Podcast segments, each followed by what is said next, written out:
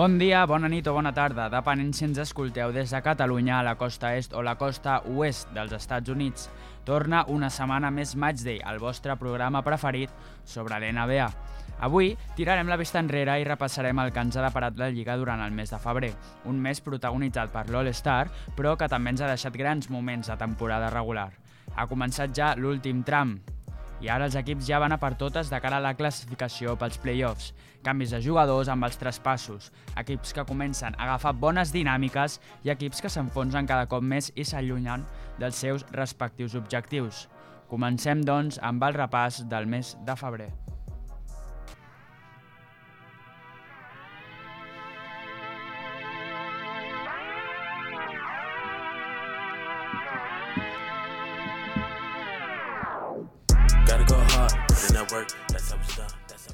Toca, primerament, fer un repàs de la classificació de les conferències. Per això, eh, saludo al Pol i al Max. Què tal, nois? Com esteu avui? Bon dia, encantat. Bon dia.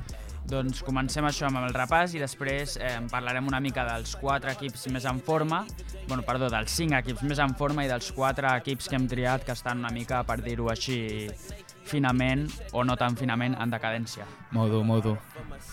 Dale, Comencem amb la conferència est. Uh, ens trobem en una conferència molt igualada. Uh, Miami Heat en primera posició, de seguida per Chicago, Philadelphia i Cleveland. En cinquena posició Milwaukee, sisena posició per Boston. Llavors a play-in ens trobem amb Toronto, Brooklyn, Charlotte i Atlanta.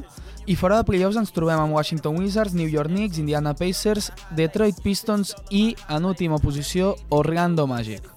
A l'oest trobem líders a Phoenix Suns, que estan molt bé, uh, seguits de Golden State Warriors, Memphis, Utah Jazz, Dallas, Denver, Minnesota i Clippers per tancar els playoffs. Al play-in trobem els Lakers i els New Orleans Pelicans. I fora de playoffs i play-in trobem a Portland, San Antonio, Sacramento, Oklahoma i per últim Houston Rockets. Perfecte. Eh, els equips més en forma, si us va bé, comencem per Grizzlies. Ma, sí. Uns Grizzlies que s'ha de parlar d'un Jamoran excel·lent. L'altre dia dissabte crec que fa el seu màxim d'anotació de carrera i uns Grizzlies que estan demostrant ser molt complets. Per exemple, amb un Steven Adams, després en parlarem quan parlem dels jugadors que més han sorprès aquest mes, però un Steven Adams que està jugant uh, més complet que mai. Què n'opineu? Grizzlies és un equip que juga molt bé bàsquet. Seria com ho resumiria. Sí, exacte. L'entrenador també podria optar, seria un dels grans candidats a, a aconseguir l'entrenador de l'any. És un equip que més té una gran rotació, a part del que hem parlat ara d'Adams, ha tret eh, jugadors que ningú s'esperava, Desmond Bain, eh, Melton, cada cop està jugant excel·lent, eh, Zaire, Conchar, Brandon Clark, que és a dir, jugadors, alguns d'ells que semblava que no tenien lloc a la Lliga, de cop eh, estan formant part d'una de les millors rotacions de la Lliga. 7-3 en els últims 10 partits, segons de tota l'NBA en punts, de, en punts per partit, això demostra l'ofensiva que tenen, i primer de tota la Lliga en rebots per partits. En això té gran, gran incidència, òbviament, Steven Adams. Seguim amb Denver Nuggets, és un equip molt en forma.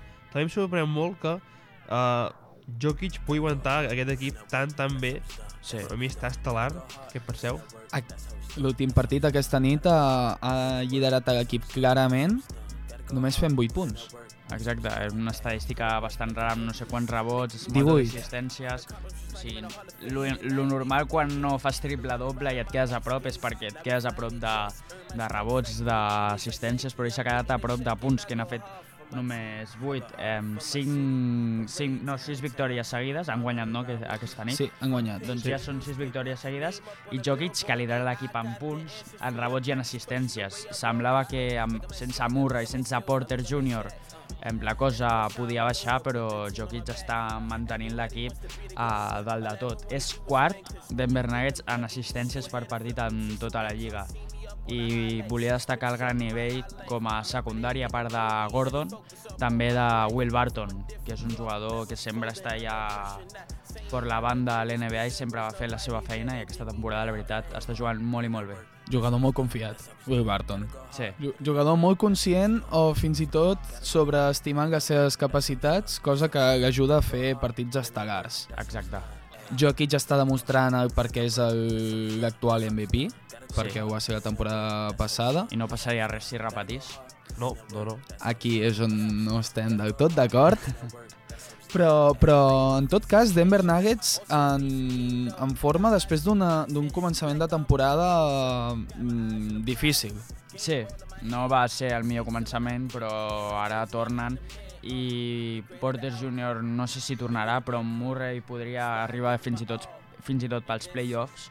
Compte amb aquests Denver Nuggets. Seguim amb Phoenix Suns. Aquí poc a dir, no? Cap sorpresa. Cap sorpresa. Estan jugant a un gran nivell. Ara amb la baixa de Chris Paul veurem si poden aguantar el ritme de victòries Sí. i si seguir sent tan contundents com estan sent. Però bueno, jo crec que sí.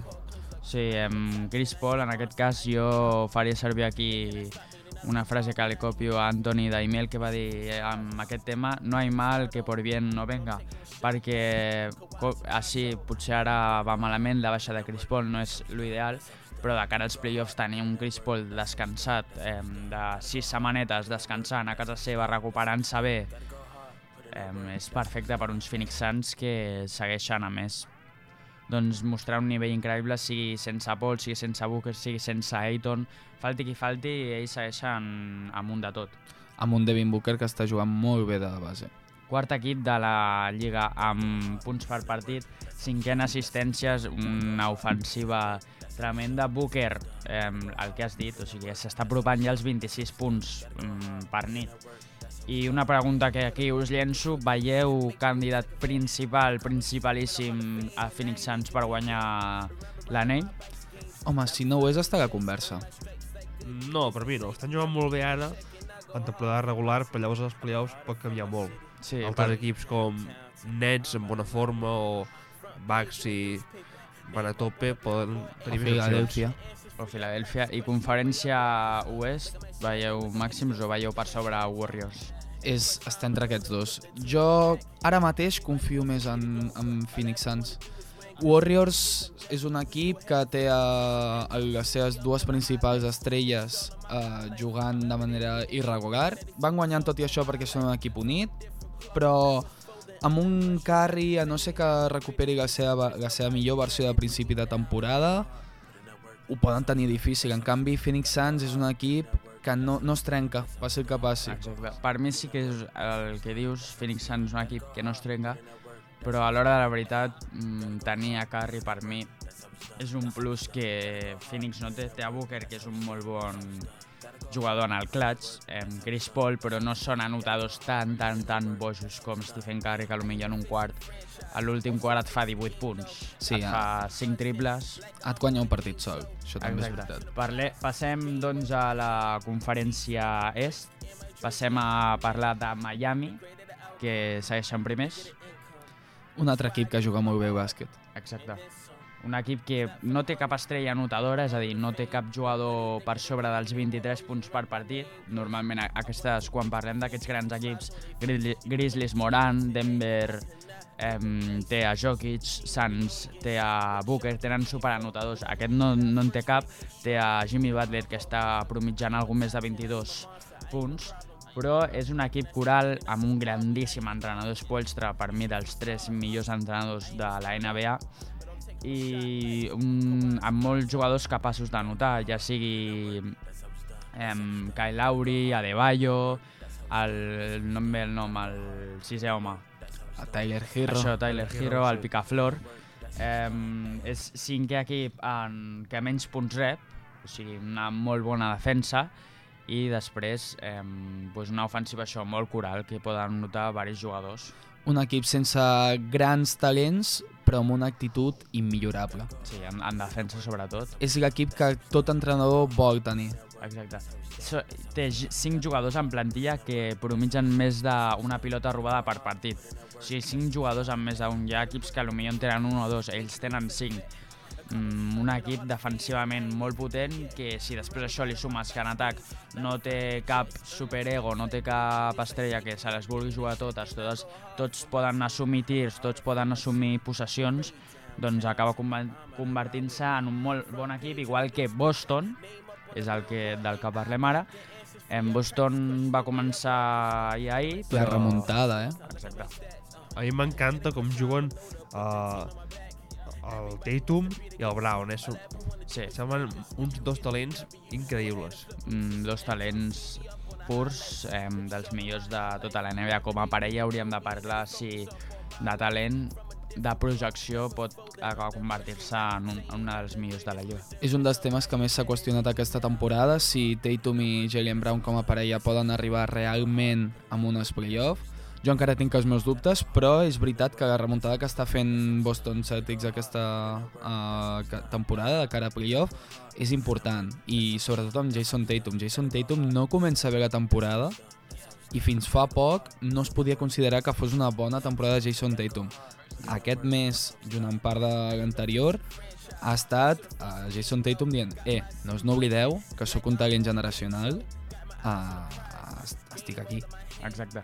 Em, des de, de fet, des de gener els Boston són el millor equip de, de tota la NBA en defensa. Em, són segons en rebots, segons en taps per partit. És de les millors defenses de la NBA, la millor crec, em, si no recordo malament, des del gener. I 9, 9 victòries, una derrota en els últims 10 partits. O sigui, semblava Udó que, que no acabava de funcionar, el que dèiem Tatum no donava el nivell, de fet mi em va semblar bastant fort que fos titular a l'All-Star, sí que va ser per la lesió de Kevin Durant, però igualment podien haver escollit a un altre perfectament, però si ens fixem només en el rendiment de febrer, inclús gener, està començant a jugar molt bé, que se li tirava encara que mm, prenia tirs molt difícils, decisions moltes vegades complicades i ara està cada cop entrant més dur, anant més fort cap a l'aro, eh, sent cada cop més contundent i això, vulguis o no, ajuda. Ta eh, Brown és un jugador que sempre rendeix i se li sumen secundaris com Horford, que ningú s'ho esperava, Smart, mm, Schroeder està jugant també bastant bé. Bueno, bon equip. una bona ratxa Em parlem si ara dels equips en decadència. Comencem per New York Knicks. New York Knicks que té uh, que ha sigut capaç de tenir a un jugador del qual després parlem, parlarem pel seu gran nivell i tot i això perdre pràcticament tots els partits de, de febrer, si no tots. Sí, sí. Sí, no paren de perdre. Um, tenen un problema que no tenen una, una bona dinàmica d'equip ara mateix, que molt que és Barrett o Ben Fournier juguin bé, no Fournier, aconsegueixen... Fournier no, eh? Fournier, Eh, no, no. està jugant bé. Fournier aquí, Barrett, vale. Randall està recuperant el nivell, ha fet un molt bon mes de febrer, però Fournier i Kemba, que eren els dos eh, jugadors que el, la franquícia inverteix aquest estiu per dir, ei, anem a competir, l'any passat quedem quarts, aquest any tenim aquests dos, pum, i no pum. Dóna la sensació que Randall i Thibodeau és un duo de One Hit Wonder. Van fer una molt bona temporada passada, però aquesta temporada no... no, no, no dos. sí, no estan mantenint el nivell que semblava que podien donar. Sí, No, sí, no. inclús Kemba ha decidit personalment deixar de jugar aquesta temporada i centrar-se ja la, la que ve. Imagineu-vos com deu estar mentalment per no Sí. poder seguir. Exacte, Kemba i els Knicks han pactat entre ells eh, doncs que millor no jugar aquesta temporada i segurament tot indica que aquest estiu buscaran un traspàs i s'acabarà la història de, de Kemba a New York. A New York hi ha l'altre equip del que anem a parlar ara, ni en Brooklyn Nets. Home, Brooklyn Nets que per circumstàncies ha tingut una temporada difícil. Ha Mm. començat amb el tema de la vacuna i Kyrie Irving, amb les lesions de Kevin Durant, James Harden que volia marxar, ara han aconseguit moure James Harden per una peça que pot encaixar molt bé com Ben Simmons, però arriba i resulta que també té una lesió i no podrà jugar els següents partits. Mentrestant, van perdent, van baixant a la classificació, no se sap com, com podran... No, el temps s'acaba i hauran de tirar la situació endavant. Sí, els queda una temporada regular molt difícil a Nets, perquè encara els queda recuperar Durant, uh, Ben Simmons, que Irving pugui jugar a casa seva, a New York. Per tant, entenem que sí que entraran a playoffs al final, ni, ni que sigui vuitens, però serà difícil, jo crec. Sí, però és el que parlàvem abans. Eh, entra, per exemple, entren a play-in, s'acaben classificant. Primera ronda contra Miami, tenint a Irving, encara que sigui quatre partits només.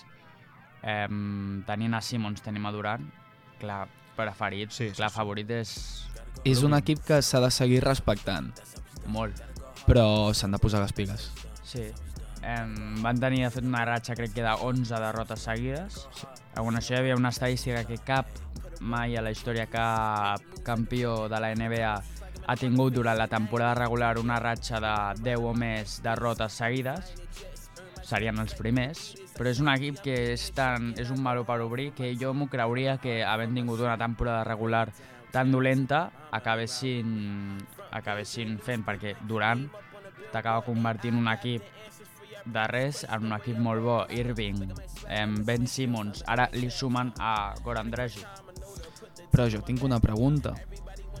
Vosaltres encara veieu a Brooklyn Nets com a candidat seriós Sí. real a l'anell? Jo crec que sí, si recuperen a tots els lesionats, Simons torna a un bon nivell i Durant i Irving es mantenen amb l'ajuda de Dragic, la Marcus Aldridge i alguns més, podrien venir opcions. Jo el veig al segon bloc. A primer bloc veig Milwaukee i potser Warriors o Suns i al segon bloc sí que veig els Philadelphia, els Brooklyn... Veurem. El respecte a Filadèlfia. Bueno, eh, passem ara a Conferència Oest. Parlem de Sacramento, parlem dels Kings, parlem d'un equip permanentment en decadència, però que ho està, ho segueix estant per, per fort i per dur que sembli.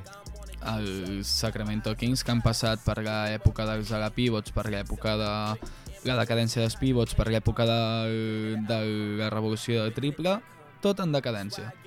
Exacte. Em, bueno, firmàvem, si és que es podia firmar el traspàs de Sabonis em, dient, bueno, almenys aquesta temporada competiran des de ja i això no es dona i si l'única condició per firmar el traspàs de Sabonis no es dona doncs s'acaba decretant que el, el traspàs de Sabonis de moment és un fracàs Sí, sembla que volen intentar aquesta temporada guanyar alguns partits i donar un bon nivell fent amb Sabonis o amb algun altre jugador que pugui ajudar-los però no troben el camí per millorar aquesta no, no trajectòria, diguéssim. És un atac molt poc fluid, és 22è equip de tota la NBA que, que menys assistència es dona. No, perdó, 21è, 22 en percentatge de triples i una estadística és que el millor assistent és Sabonis amb 5,7 assistències per partit, és a dir, un atac al d'Alvin Gentry molt poc fluid. Un que, a part Sabonis, que en quants partits porta? No ho sé... mm, 4, 4 o 5. És a dir, és a dir, hauríem de mirar quin seria el segon màxim assistent de l'equip, perquè, clar, no, no ho podríem tenir... del No, tot. perquè Sabonis eh, és el que dius, es porta molt poc. Llavors seria, suposo, el següent és d'Aaron Fox. Sí. Sí, i d'Aaron Fox no, no és un gran playmaker. No, Darren Fox va tenir la temporada passada molt bona, però aquest any no està donant de sí.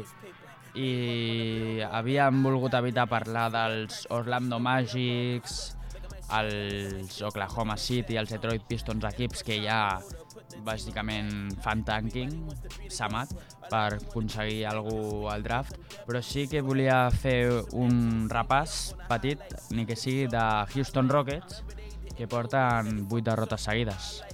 Un equip del qual ningú s'espera res, ni ells, mateix, ni ells mateixos. Van començar la temporada amb 8 derrotes seguides, però després semblava que més o menys podien remuntar la situació, però des de llavors la realitat mm, acaba pagant molt fort. Sí, eh, Christian Wood és l'únic que dona així una mica la cara, però eh, Porter Jr. era una aposta arriscada i s'ha demostrat que aquest jugador difícilment recuperarà recuperarà la projecció que tenia quan va ser escollit per Cleveland al draft i després Jalen Green doncs, va fent punts però males seleccions, no acaba de tenir el context ideal per brillar i és això, no? Sí, els hi falta com una superestrella o, o un jugador que pugui generar molt, molt, molt, molt més que el Wood, per exemple, o l'Sroder, que pot ajudar en quant a assistències, també a uns quants punts, però no no hi ha ningú que pugui fer 25 punts per partit o 30. De fet, jo crec que a Houston Rockets li falta això, però li falten moltes És coses. veritat, jo abans he dit a Boston que Schroeder estava fent-ho bé. Schroeder ja no estava a Boston, no sé què Ja. m'ha passat. El que ho està fent bé és, és Derrick White, que sí que va arribar Sí, en sí. el traspàs aquest. Molt bon fitxatge. Sí, ho està fent molt bé. Schroeder, mm, bueno, una ànima una mica perduda, no? Sí, sí de, és, es troba en una situació semblant a quan estava a Atlanta Hawks com a primera espasa Sí. ara 4 anys, en la qual pot fer punts, però no guanya partits. Exacte, no és un jugador que t'acabi de canviar temporades ni partits.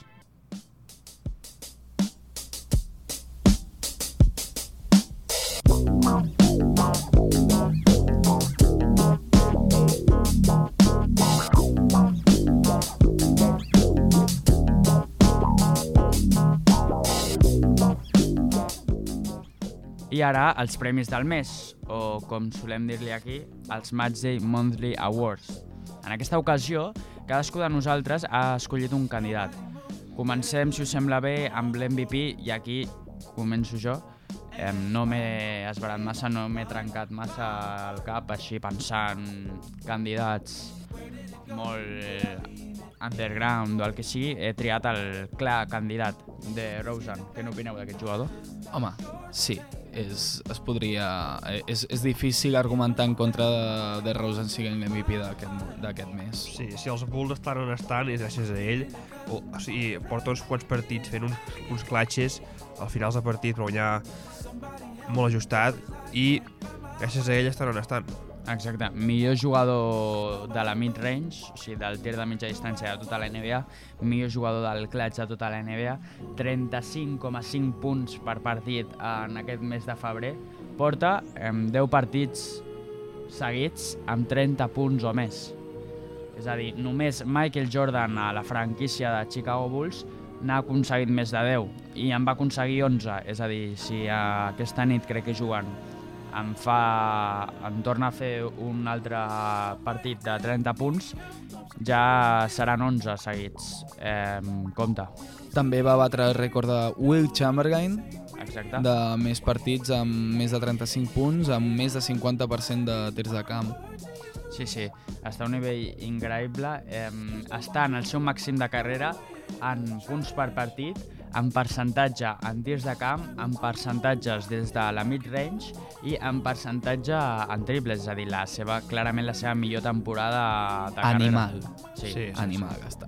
I se suma també l'última estadística que porto a Michael Jordan com l'únic jugador des de que es va començar a implementar la línia de 3 que acaba un mes amb 35 punts per partit i més d'un 55% en tirs de camp. Quin jugador, eh? Un jugadoràs. Nosaltres hem hagut d'escollir altres jugadors per més o menys omplir-ho, però estem els tres d'acord amb Sí, que... i abans ho parlàvem. Serà capaç de, de mantenir aquest nivell un cop arribin als playoffs? Aquí és on està el dubte. Difícil, però ho veurem. Demar DeRozan té la fama que té. Sí, sempre I s'ha la- s'ha guanyat. caracteritzat... Sí, sempre s'ha caracteritzat per bones temporades regulars, amb, sobretot amb Toronto, i després a playoffs doncs, patinar una mica. Bon, jo, jo tiro Nikola Jokic. És un MVP per mi de l'any, més que del mes. Probablement aquest mes veiem com Denver segueix guanyant molts, molts, molts partits i és òbviament gràcies a ell. Uh, porta 25 punts per partit, 3 assistències i 8, uh, no, 13 rebots i 8 assistències. És un jugador que fa de tot a la pista, anota, assisteix, reboteja en defensa. Per tant, Sí, jugador completíssim. Sí, molt, molt bon jugador. No va, entrar, no va entrar a la lliga dels, o sigui, a la llista dels 75 millors de la història, però segurament quan faci la del 100 entrarà perquè és un pivot bestial, un pivot sí. únic. Ja, ja és històric només per l'únic l'únic del, del seu joc. Sí, pel, pel que hem parlat avui de l'estadística que ha fet aquesta nit. Sí, Mm, qui més la pot fer, això? Sí. És el, el segon millor pivot de la NBA per darrere del meu pic com a MVP del mes amb Joel Embiid, el que per mi, sempre per mi, és el- el- l'MVP de la NBA aquesta temporada. Un mes amb 32 punts per partit, 12,8 rebots i 4,9 assistències, junt amb eh, 1,2 taps i 1,3 eh, recuperacions. Un, un mes on s'ha tornat a confirmar Joel Embiid com a la superestrella que és, com el pivot dominant que és, com el pivot completíssim que és, i ara mm, tenint l'arribada de, del seu millor aliat, possiblement el que pot passar a ser el seu millor aliat a Filadèlfia, amb James Harden. Sí, quins dos partits han fet, eh? Només dos partits de James i Embiid junts i quins dos partits. I ja, els hi- ja els hi notes que poden jugar molt bé junts. Sí. Uh, fa que els fans de Filadèlfia no puguin evitar uh, il·lusionar-se de cara a aquests playoffs. Per què dius no puguin? Pots dir no, pu no puguem? Ens ho accepto, sí. Estic emocionat per Il- aquests il·lusionat, playoffs. Sí. Bueno, i parlant de... En aquest cas mm, anem a parlar del millor rookie del mes. Aquí tiro per Ayo Dosumu.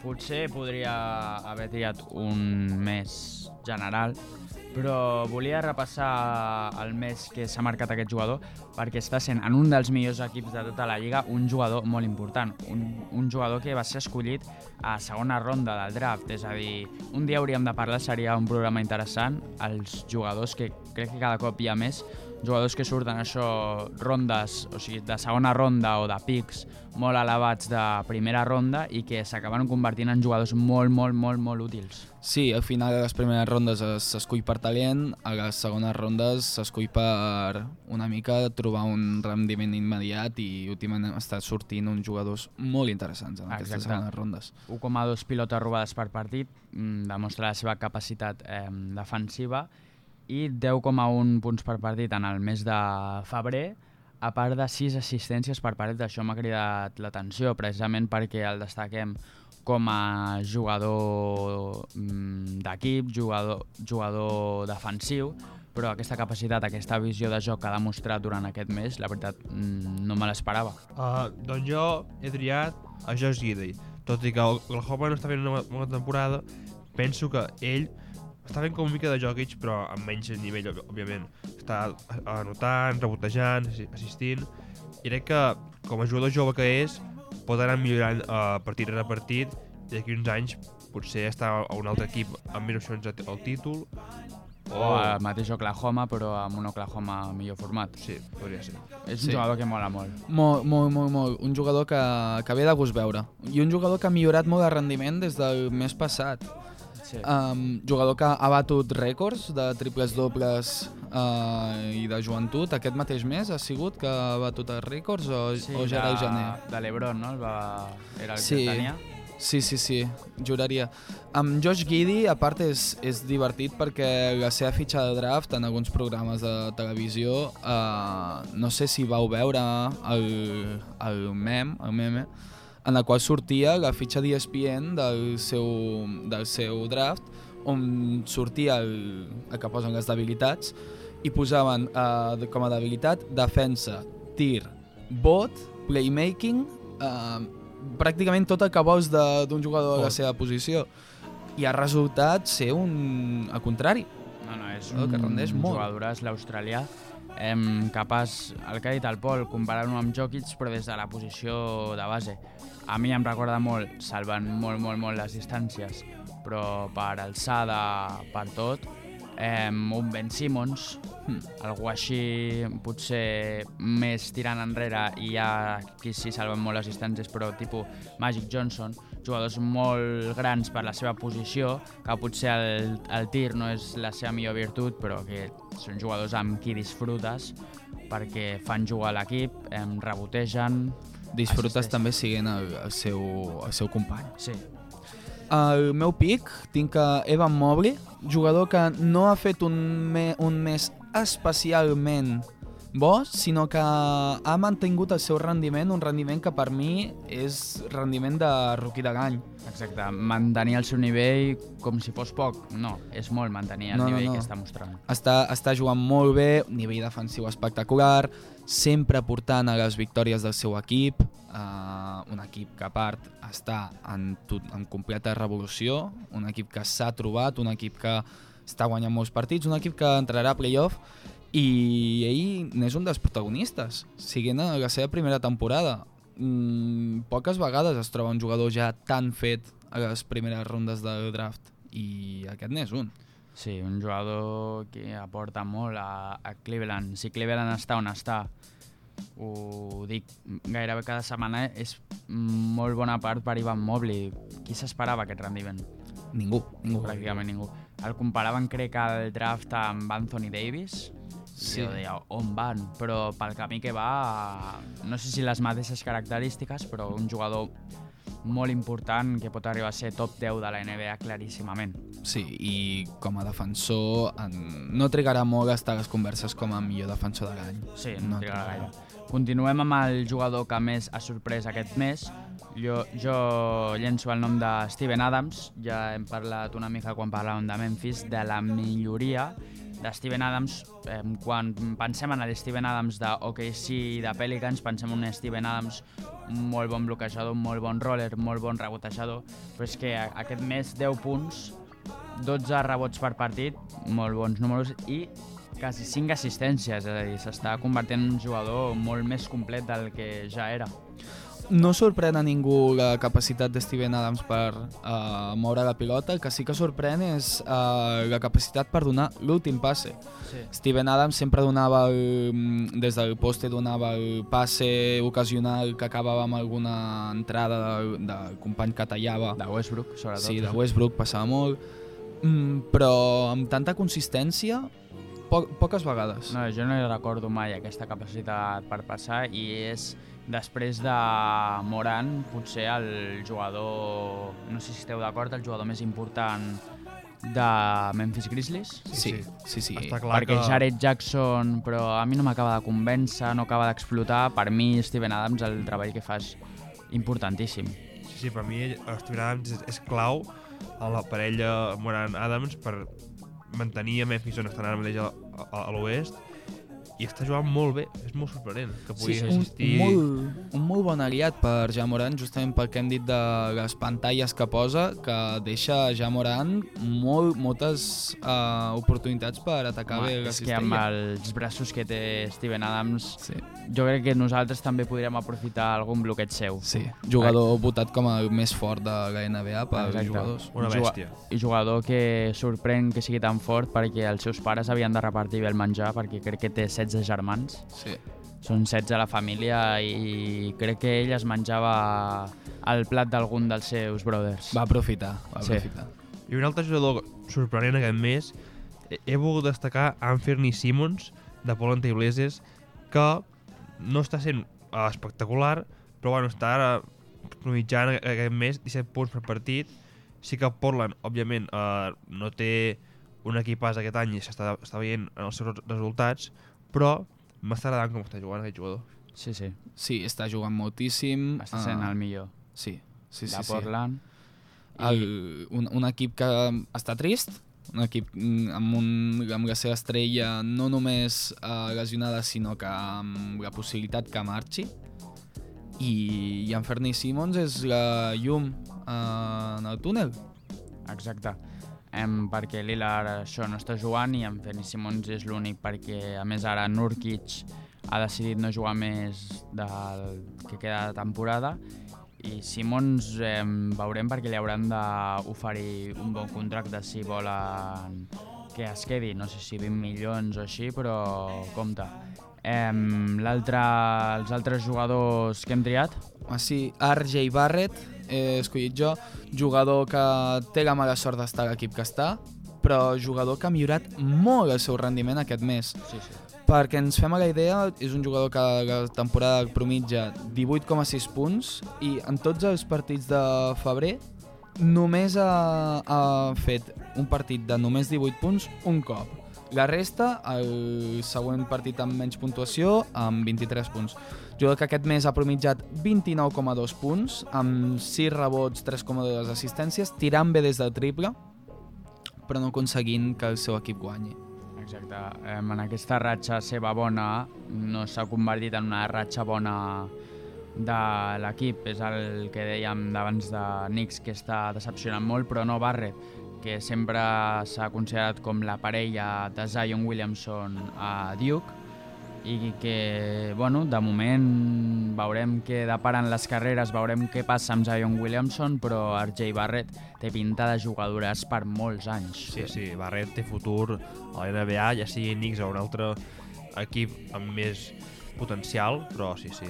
I després ens hem quedat no, amb un jugador que potser no sorprèn tant com jugadors així més de segona línia com Steven Adams, Simmons o Barrett, però que ha fet un mes per destacar com Luka Doncic. Home, Luka Doncic és un jugador que comença la temporada fora de forma, comença la temporada no tirant massa bé, comença la temporada no en el seu millor moment i que actualment està fent 34,8 punts per partit a, aquest mes i, i està, està, canviant, està canviant una mica les tornes, igual preparant-se pels playoff.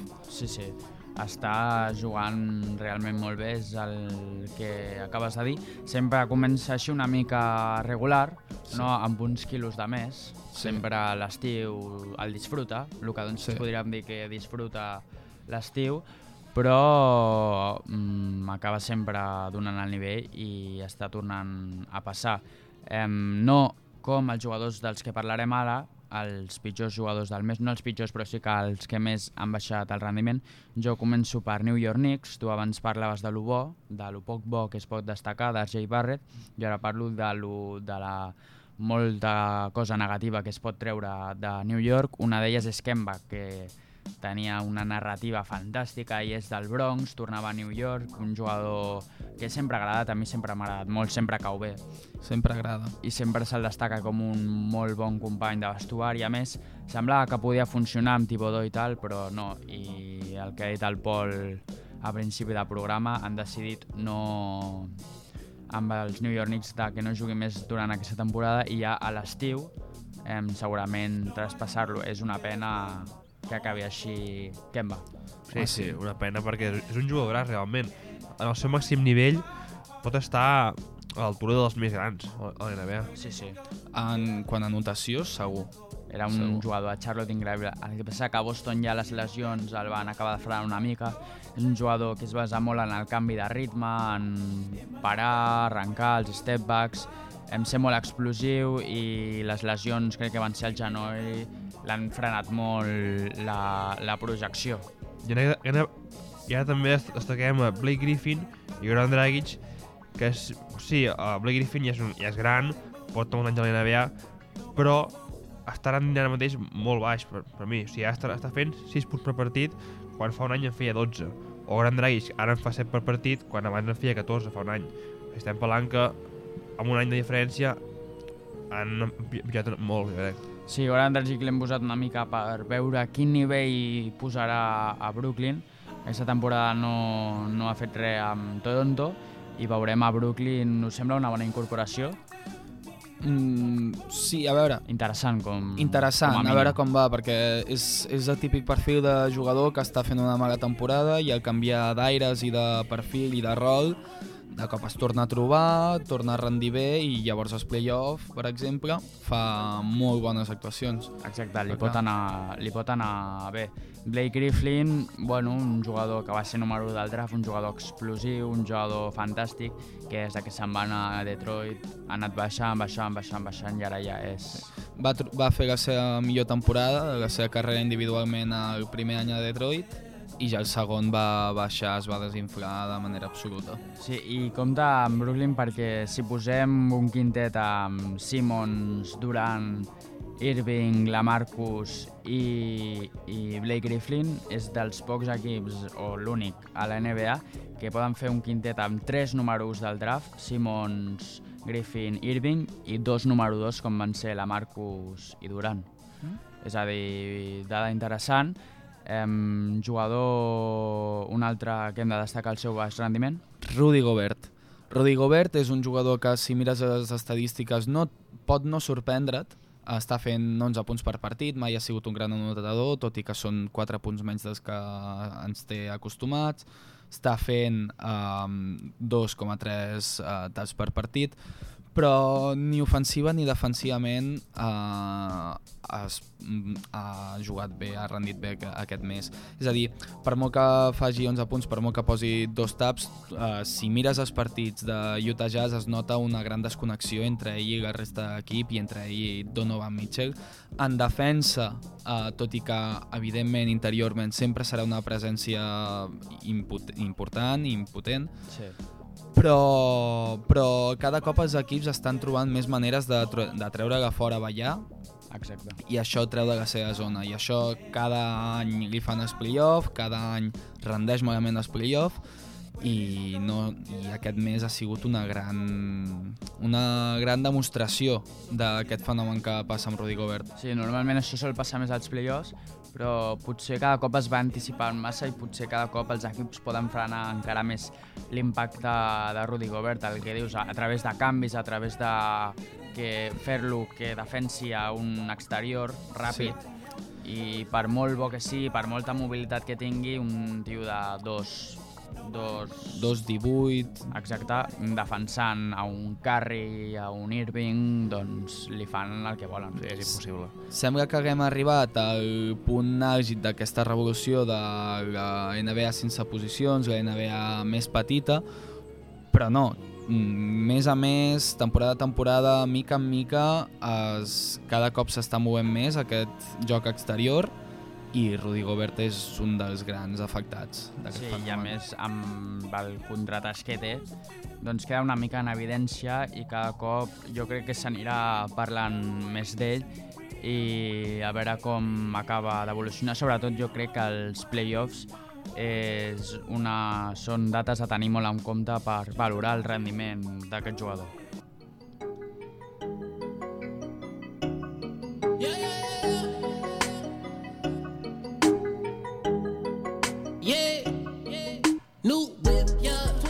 I ara, per acabar els triples des de la graderia.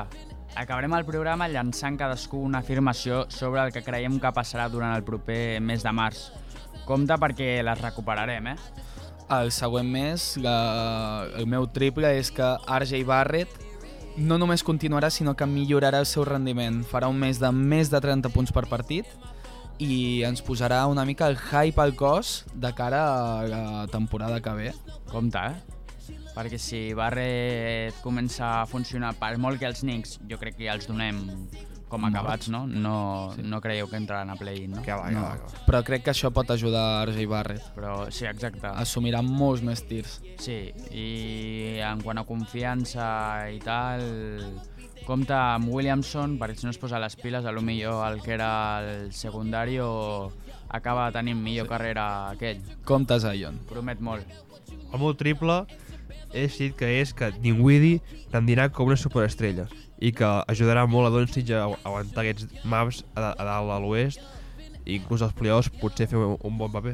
Compte, eh? no me l'esperava. Arriscat, arriscat, Sí, tenint sí, en sí. compte que està fent la pitjor temporada de la seva carrera, però sembla que ara està, està millorant Sí. a Dallas amb un partit mm, més o menys decent, segur.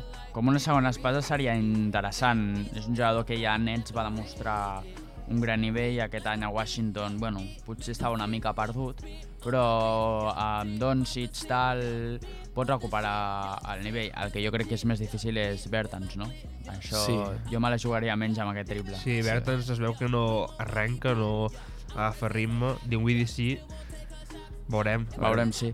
I el meu és que els Grizzlies, que hi ha molt de hype amb ells i jo crec que és justificat, superaran els Warriors eh, en quant a classificació, es quedaran com a segons i Warriors com a tercers.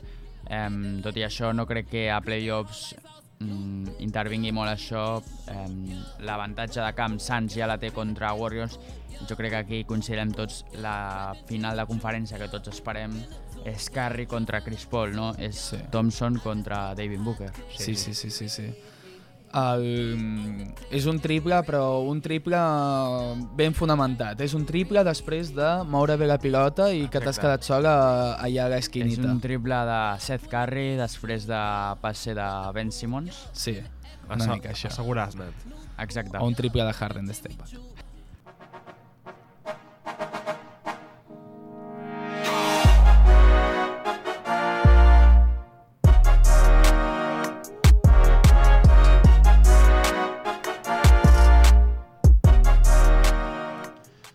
Doncs fins aquí el repàs del mes de febrer. Encantat de tenir-vos una setmana més. M'ha encantat jo. Jo també, encantat. Ens veiem dimarts que ve. Espero. Esperem, esperem. Perfecte. Adeu. Adéu, adéu.